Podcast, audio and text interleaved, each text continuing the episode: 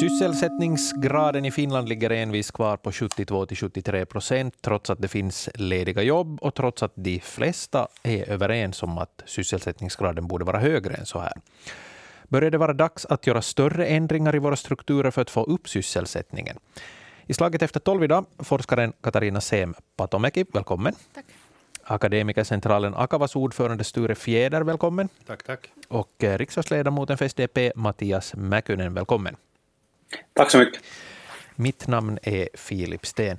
Mattias Mäkynen, vi börjar med dig. Eh, regeringen Marins mål har ju varit att sysselsättningen ska upp till 75 procent under den här valperioden. Nu har ju över halva valperioden gått. Kommer man att nå det här målet? Enligt senaste prognos här, vi kommer att nå målet. Eh, eh, ministeriet gav just nyaste prognosen denna vecka och, och den lyder att, att vi kommer att nå den där första målet som vi satte i, i början av regeringsperioden. Efter corona satte vi målet framåt, men nu ser det ut att, att vi når målet redan tidigare i slutet av den här regeringsperioden, 75 procent i det gamla eh, måttningssättet. Precis. Eh, Katarina Sem Patomäki, hur ser, hur ser du på regeringens sysselsättningsmål? Hur, hur viktigt är det?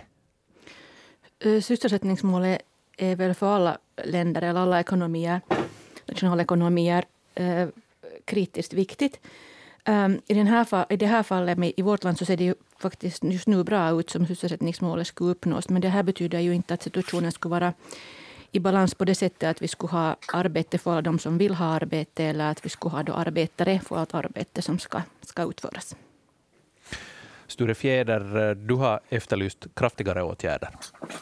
Jo, jag har efterlyst kraftigare åtgärder för att om man tittar på sysselsättningsgraden i Finland, jag tror inte riktigt på vad Mattias Mäkinen sa, det är trender som han talar om. Jag tror att det kommer att vara tufft att få nu sysselsättningsgraden upp, för att i september månads slut så hade vi nästan 100 000 lediga arbetsplatser och 260 000 arbetslösa, så att eh, jag skulle förändra mycket, för att nu fungerar inte längre arbetsmarknaden så som den kanske någon gång har fungerat. För att titta på sysselsättningsgraden i Sverige så är den ju 5, 6, 7 procent högre och det har den varit i 20 år. Så att eh, finska regeringar har nästan aldrig kommit över 72,5.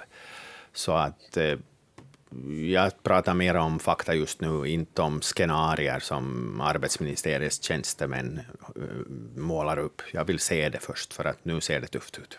Var, varför funkar det här bättre i Sverige? På, på vilket vis skiljer det sig?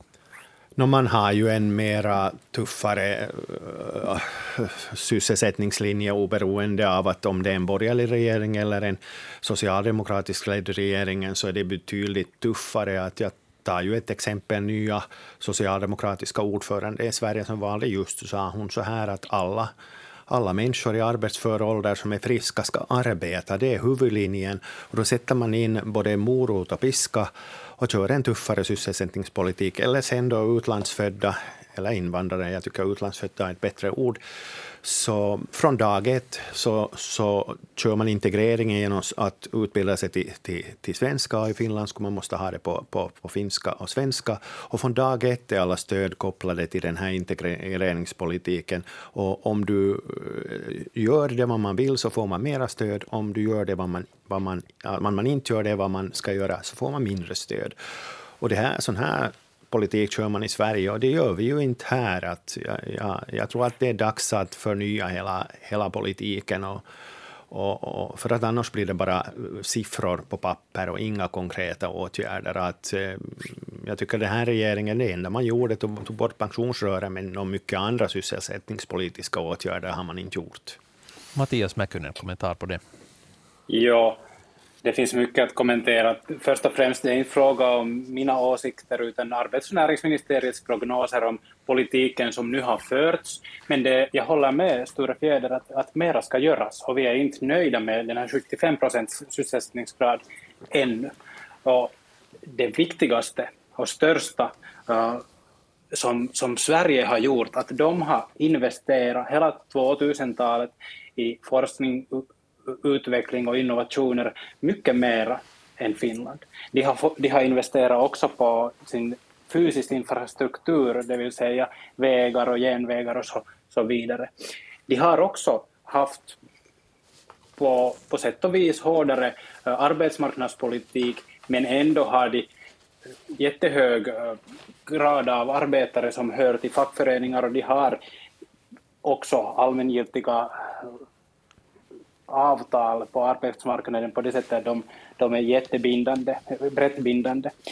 Vad kommer sen till socialskyddet så Socialdemokratiska partiet håller med eh, de, svenska socialdemokrater i de här eh, frågor som, som Sture Fjäder rörde.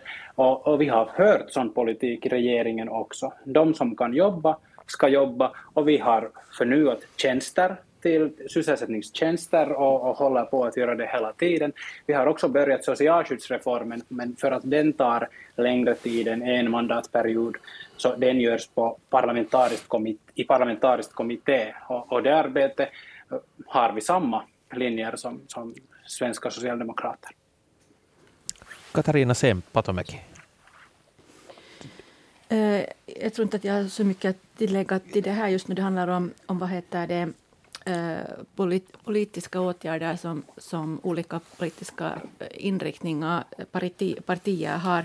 Själv skulle jag kanske istället vilja lyfta upp den här frågan i ett större globalt perspektiv. Att det här, den situationen som vi har i Finland nu, så den är inte heller på något sätt unik för Finland. utan ur det perspektivet att, att det har kommit en, en, en liksom uppsjö av, av nya sorts arbets, arbeten och arbetare. Och till exempel då, man brukar tala om gig-ekonomi. Och, och, det där, och, och de här människorna eh, arbetar på ett nytt sätt och, och med nya liksom, saker. Och med det här vill jag bara säga det att, att hela arbetsmarknaden kanske står inför en, en, en förändring också på grund av orsaker som kommer Eh, utifrån eller då internationellt på grund av då, som vi har tidigare gjort en stor sån här teknologiskt, teknologiskt hopp, men det här teknologiska hoppet har sen blivit aktualiserats på grund av den här pandemin. Alla, alla har lärt sig använda de här redskapen på ett annat sätt, vilket i sin tur medför nya eh, då, konsekvenser eller följder på olika nivåer. Ty, tycker du att man har tagit att, att man förmår ta det här i beaktande då, i, i de här i, i diskussionen och, och i eh, de åtgärder som vidtas? No, mm, det vet jag inte, men jag tycker att, att man till exempel kunde fungera, fundera på sådana saker som som eh, just vi vet ju att, att Finland håller på att avbefolkas eh, i stort och sen koncentreras, koncentrerar sig befolkningen till Helsingfors. Med de här nya redskapen och nya sorts arbeten så kunde man ju tänka dels mycket sådant distansarbetande och incentiv för företag att, att investera eller flytta verksamheten, eh, till exempel lager och annat som är dyrt, till, till billigare ställen. Eh, det är liksom den, den ena, ena delen av, av den här eh, tanken. Ehm, men ehm, samtidigt så kunde man, när man, man investerar då mm, i sådana sektorer eller sådana områden som, som inte um, kanske annars skulle, skulle rulla på av sig själv, så kunde man ut, uppnå någonting, någonting nytt. Mm, intressant. Sture Fjäder, du, du, har ju, du, du förde fram här i, i förra veckan att en sån här tanke att arbetssökande borde vara tvungna att flytta efter jobb. No, eh, innan jag går till det så, så, så, ska jag ännu säga om det här som Mattias Mäkinen sa. Eh, lycka till i kommittén. Han är ordförande för kommittén för att sätta in era FoU-pengar i Finland. Men jag förstår inte varför den här regeringen inte har lagt redan i nästa års budget 200 miljoner. Och sen då på, och på tio år eh, två miljarder för att, vi, för att höja sysselsättningsgraden med en procent ger till det offentliga en miljard. Och genom att höja sysselsättningsgraden som vi behöver med 4-5 procent så är det just det utrymme som vi behöver. Så att jag, jag, jag är lite besviken på, på alla regeringar som har varit att man inte har satsat mera pengar på FOU, för det löser liksom... Vi får mera kunskapsarbete till Finland som ger mera ar arbete åt alla andra. Och sen en annan fråga som vi är annorlunda än Sverige. Vi har för hög skatt på arbete. Idag så, så finns det allt flera länder som konkurrerar om kunskapsarbete Eh, förra talaren var in på det just här, att, att, att världen har förändrats på 30 år. Idag kommer det utbildade och också yrkesutbildade proff, proffs inom många andra, och då flyttar ju arbetena dit, så att vi måste sänka skatten på arbete. Men sen då det här att, att, eh, att vi lever i en marknadsekonomi, arbetena eh, uppstår där investeringarna kommer. Och de kommer inte alltid där människorna bor. Eh, för alla är det inte så att arbete är någon sorts närservice, utan det att människor ska flytta mera så, så måste man uppmuntra. Jag föreslog förra veckan att att om man har en andra bostad som man hyr för att man har tagit emot ett arbete, så borde man få avdra den i beskattningen. Alla 200 riksdagsmän har ju det som en eh, skattefri kostnad för sin andra bostad i Helsingfors, och det kunde vi utveckla till alla finländare. Så att, så att för att få mera dynamik på arbetsmarknaden, och, och gamla arbetsmarknaden fungerar inte, för idag när vi har 100 000 lediga arbetsplatser som är till näringscentralerna anmälda per 30 september, det finns massor andra arbetsplatser arbetsplatser som inte... Och samtidigt har vi 260 000 arbetslösa. Nu måste vi komma ihåg att hälften av dem är redan på grundbidrag och hälften är på, på inkomstrelaterat bidrag. Så att jag skulle nog eh, liksom effektivera den här arbetsmarknadspolitiken och sätta in både morot och piska och lite mera incitament för att få det här att fungera.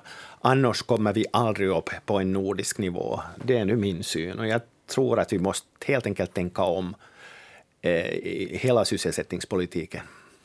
Mm. Mattias Mäkynen. Jo, om de här FU-investeringar, forskning och utvecklingsinvesteringar nu i närmaste åren, det är en budgetteknisk fråga för de täcks från det här EU-stimulanspaketet och, och de läggs till nästa årets och 23 budgeter nu i slutet av det här året i november.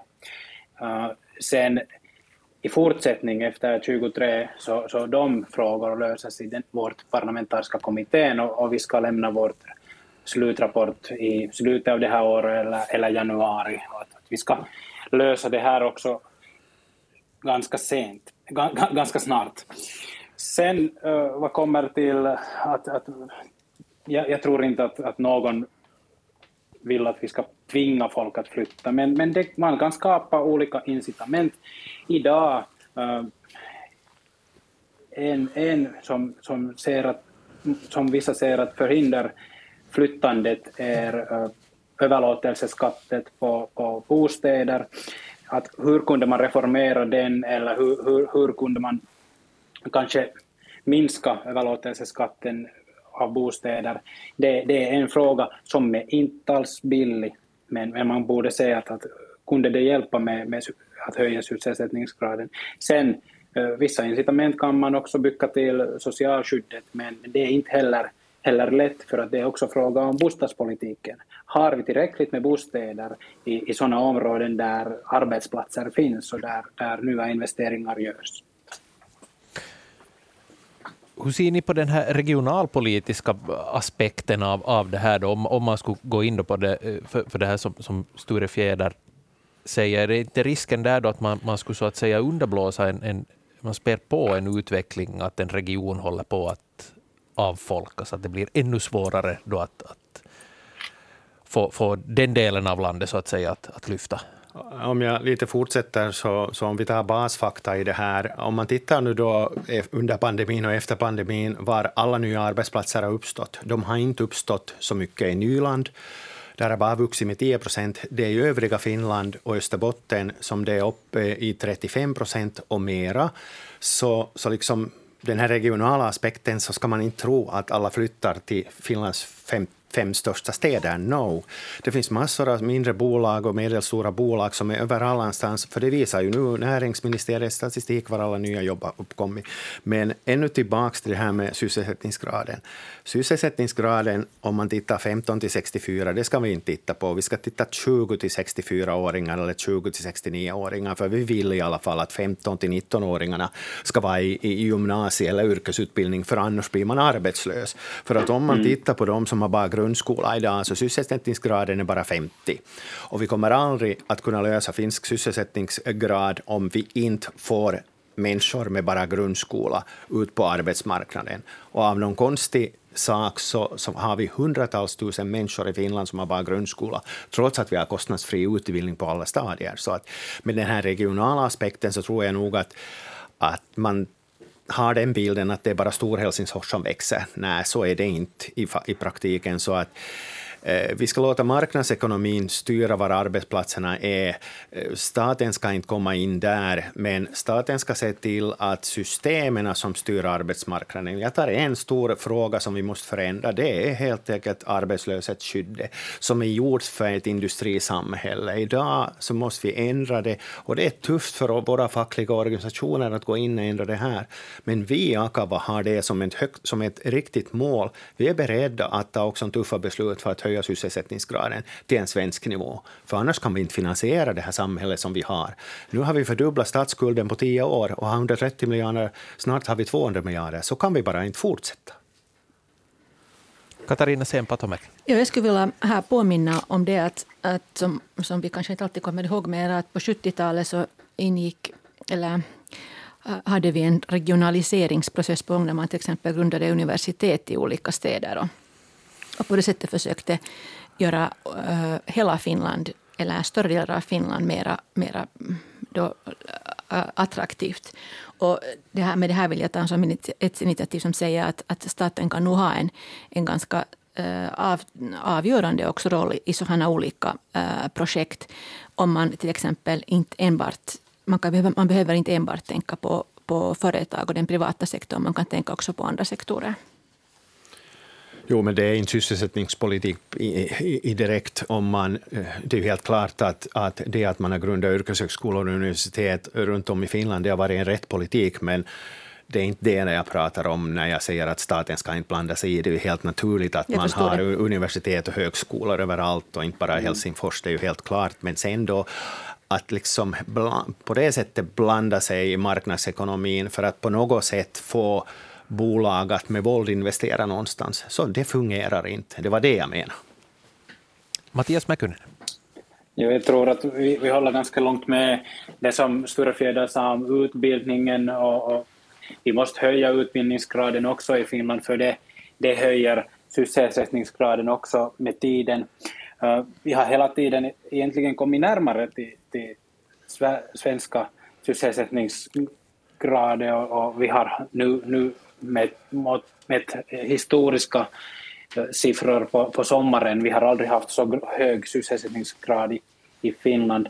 Men i fortsättning, och, och den här regionala, regionala frågan, jag tycker att utbildning är central där också.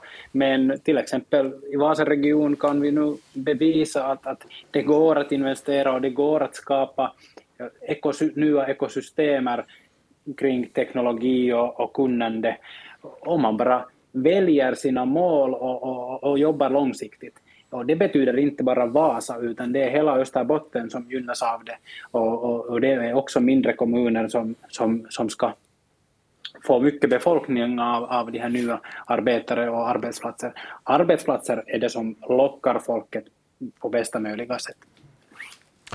Sture Fjäder här var, var inne på att eh, det, det krävs en större förändring här i, i eh, hela den här arbetsmarknadspolitiken och Katarina Sempatomäki sa här i, i början av programmet att vi börjar se en, eh, den här så kallade gigekonomin, att det är kortare kortare eh, kontrakt ganska mycket, det som färre fasta jobb helt enkelt som, som erbjuds nu för tiden.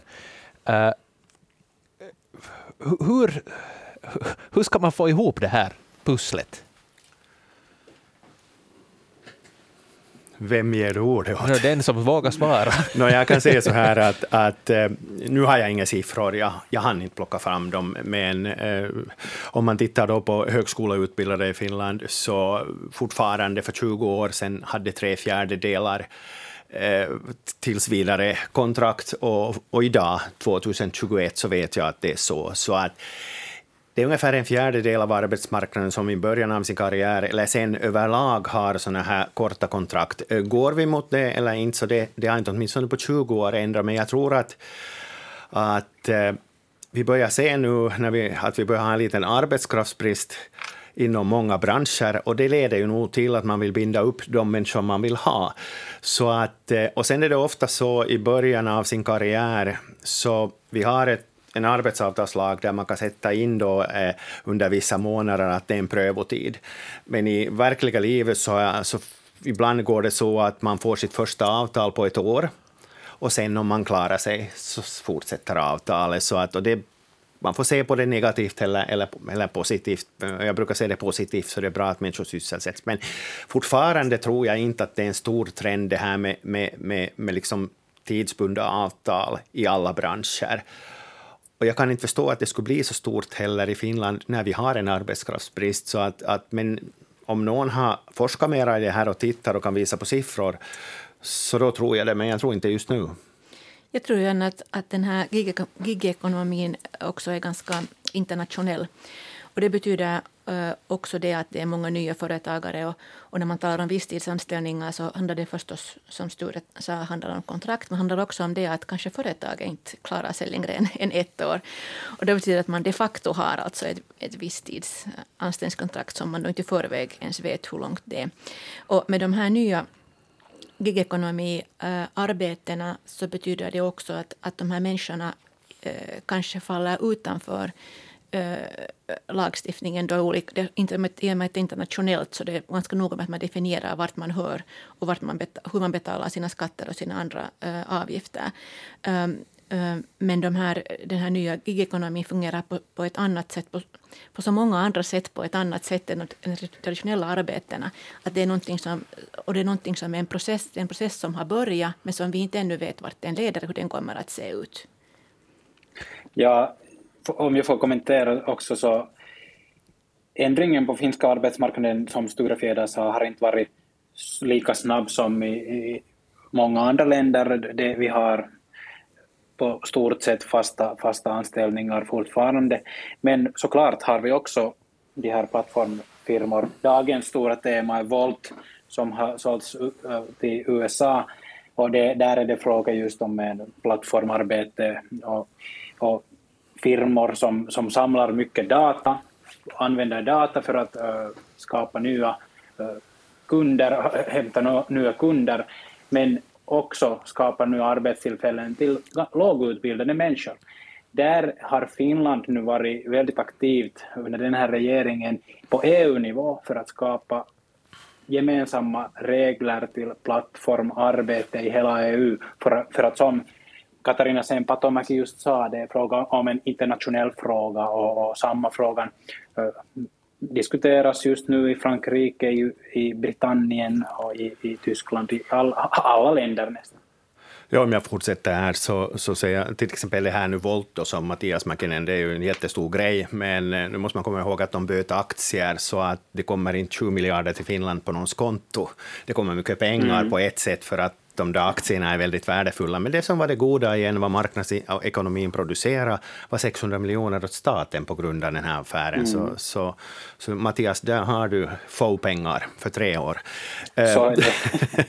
Men sen det här med plattformsekonomi, så det är väl det som, man tar, som, som, som, som, som, kommer att komma. Men när vi tittar på de finländare som jobbar i plattformsekonomin, så de är ofta välutbildade, de är, de är entreprenörer, de gör det av egen vilja. Eh, och då pratar jag om våra medlemmar som kan göra det. Och då gör man det var som helst. Men där håller jag med Mattias Mäkinen att, Mäkinen att, att det, vi kan inte skapa regler i Finland för det, utan det måste göras på EU-nivå. För det här är ju en europeisk fråga, det här är en världsfråga, men, men spelreglerna måste göras på EU-nivå så att det gäller alla EU-länder på samma sätt. Men fortfarande är ingen stor trend, tycker jag, i Finland, att det finns mera startup mm. Eh, startup-entreprenörer än de här. Men man ska inte bara titta negativt på det här heller, för det är många som vill göra det här mm. och utveckla det och, och, och, och, använda den kunskap som de har och, och, så att säga förtjäna på det. Och det är ju helt rätt. Nu, pra, nu, pratar jag om de människor som själv gör det, inte om företagare som, som anställer sådana här, utan de har ofta bra löner också och bra inkomster, de här människorna, när man pratar om kunskapsbusiness. Jag pratar inte om låglönebusiness här.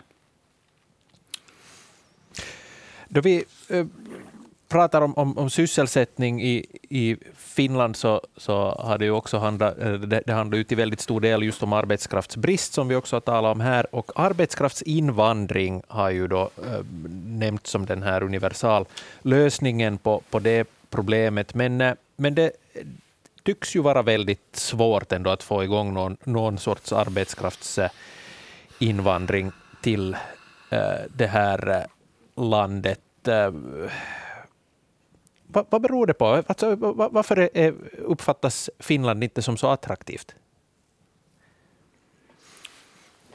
Men vi har mycket haft sån invandringspolitik att vi försöker förhindra och, och, och få människorna ut från landet och inte så mycket att, att, inte så mycket att locka folk hit. Nu har vi så småningom börjat förstå att vi behöver också arbetsinvandring, men våra processer är ganska, no, väldigt, väldigt långsamma.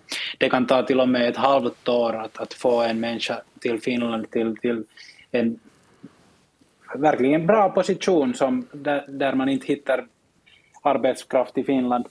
Men nu har regeringen fattat beslut att vi tar den här perspektivet i 30 dagar, en månad, och det, det är för, för tillfället målet och, och, därför har vi satsat till Migri och, och byråkratin så att, så att det, den här processen försnabbas.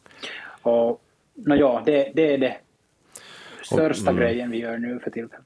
Om jag fortsätter så, så det ska jag ge plus åt, åt regeringen eh, vad gäller den här politiken att försnabba. Men eh, vi i Akava gjorde ett scenarium att Finland just nu 2021, så som det är nu, och så flyttar vi tio år framåt, titta på sysselsättnings, liksom antalet som kan vara ute sysselsatta och arbetskraften, så det minskar ju. Och, och, och, samtidigt när vi har en sysselsättningsgrad som den är nu, så, så det ser helt hemskt ut. Vi kan inte finansiera det längre, så, så vi behöver arbetskraftsinvandring. Och, och det gäller både yrkesutbildade, det gäller högskoleutbildade. Jag tar ett exempel. Kommer du till Finland och studerar, eh, eh en, en, en som kommer utifrån, så när du får studieplatsen och när du får en examen, så det är ett tecken på att du kan bli kvar. Du ska få bli kvar från dag ett. Inte behöv den, efter det behövs det ingen utvärdering, ska den få bli eller inte. Det är ett tecken på att man är en fullgod medborgare att få bli i Finland.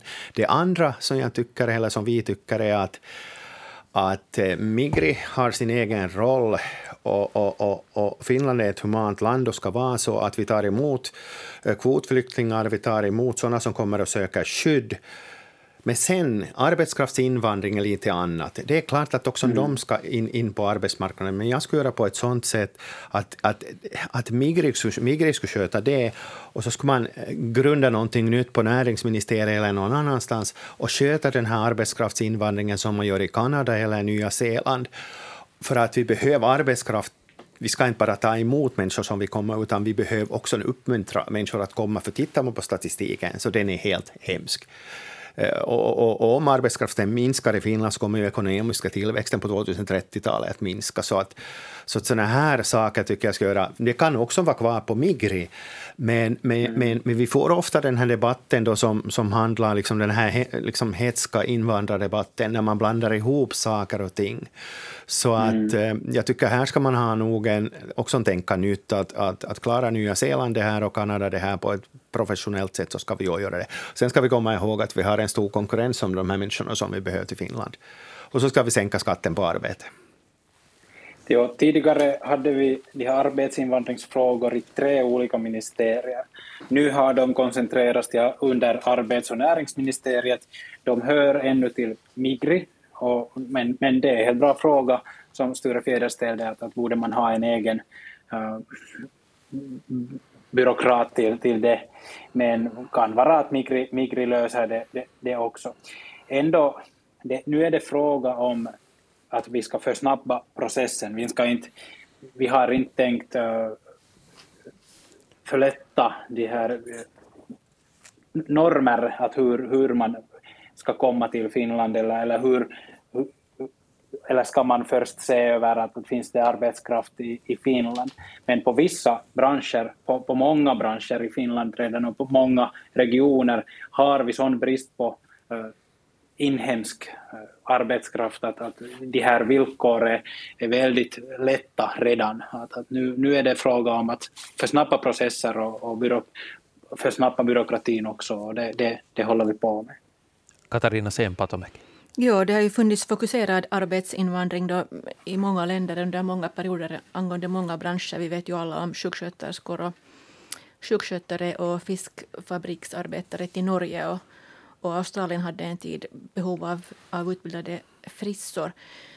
För, nu ta, för att ta några exempel. Men eh, du Filip börjar med att fråga varför det är svårt med den här invandringen. Och, och då är det just att det finns mm, byråkratiska, det finns officiella processer som, som tar en viss tid och som fungerar på ett visst sätt. Men samtidigt så vet vi också att det under de senaste åren äntligen har funnits uh, olika nyheter om hur, hur um, svårt det är att få arbete här om du har ett främmande eller utländskt namn. Mm. Och sen finns det också andra artiklar om att hur svårt det är om du inte kan då finska eller finska och svenska eller om du kan bara svenska. Och, och, och sådana saker. Och på LinkedIn så snurrade visst en artikel om en, en kvinna som hade tagit Uber skjutsar av, av chaufförer som alla hade gått, fått sin utbildning här i, här i Finland men inte fick annat arbete än, än Uber-chaufförer. Och, och då skulle jag vilja säga att, att det här problemet kanske inte heller det handlar inte alltid om att det är dem, utan kanske det problemet ligger här med oss istället för, för liksom mm. de invandrarna. Och till, till det här till slut skulle jag vilja säga att samtidigt som vi har haft sådana artiklar om hur svårt, det, att få, hur svårt det kan vara att få arbete om man har främmande klingande namn, så det finns också motsvarande artiklar om hur, att det kan vara svårt att få arbete om man är till exempel funktionsförhindrad ehm, eh, på något sätt. Och då handlar det inte om utlänningar, det handlar om allt som man upplever kanske att det är annorlunda. Och då handlar det igen, tycker jag, om, om, om, då, om oss och inte om, om dem. Men jag ska ta, koppla tag i det här, jag sa det då tidigare i sysselsättningspolitiken, vilket man gör i Sverige, att alla som kommer till Sverige, om man får något stöd, vilket alla får, så kopplar man det till, till den här språkundervisningen, för den svenska arbetsmarknaden är fortfarande svensk, den är inte engelsk, och finska. Arbetsmarknaden är i huvudsak finsk och, och lite svensk. Och då ska man från dag ett också de som kommer som flyktingar eller, eller andra, och också de som kommer med arbetsrelaterad invandring, då, så ska från dag ett kanske koppla ett integreringsstöd och du får mera om du deltar i språkundervisningen, för annars kommer du inte att sysselsättas i Finland. Så att det är fråga om språket, finska och svenska. Lär man sig det, sen finns det de här fördomarna som, som, som du talar om, att, att, att, att eh, men, men jag tror att det är fråga om språket. Integrerings grejen number one i Finland är att lära sig finska och svenska på de områden man klarar sig på svenska. Att gör vi inte det så kommer integreringen att misslyckas, vilket den har ganska mycket gjort. Mattias jag håller, ja, jag håller med. Språkundervisningen från dag ett är, är verkligen viktigt. Vi, vi, behöver för tillfället uh, mera språkundervisning. Det finns inte tillgång till språkundervisning till alla som, som behöver det. Och, och, därför är det problematiskt också att kräva det. Nu, nu måste vi först satsa på att, att få mera språkundervisning och det, det måste regeringen också, också ta på bordet. Eh, sen när det kommer till fördomar så har vi väldigt goda exempel på hur anonym rekrytering hjälper i processer. Vasa stad har nu använt det och tagit det i, först provade på, provade på den och, nu, och sen tagit den i, i bredare bruk och, och den har bevisat sig vara bra sätt att rekrytera människor också från olika bakgrund. Och ja, ja, på generell nivå skulle jag säga att, att fördomar är starkast där det finns minst uh, invandring och där det finns minst olika bakgrunder av människor. Därför är det viktigt att man tar det första steget och tar, rekryterar första uh, människan som har en olik bakgrund än, än andra. Där sätter vi punkt för eh, dagens eh, Slaget efter tolv. Tack eh, riksdagsledamot Mattias Mäkynen, socialdemokrat. Tack så mycket. Akavas ordförande Sture Fjäder och Katarina Sem Patomäki som är forskare. Mitt namn är Filip Sten och Slaget efter tolv är tillbaka imorgon. Tack så mycket.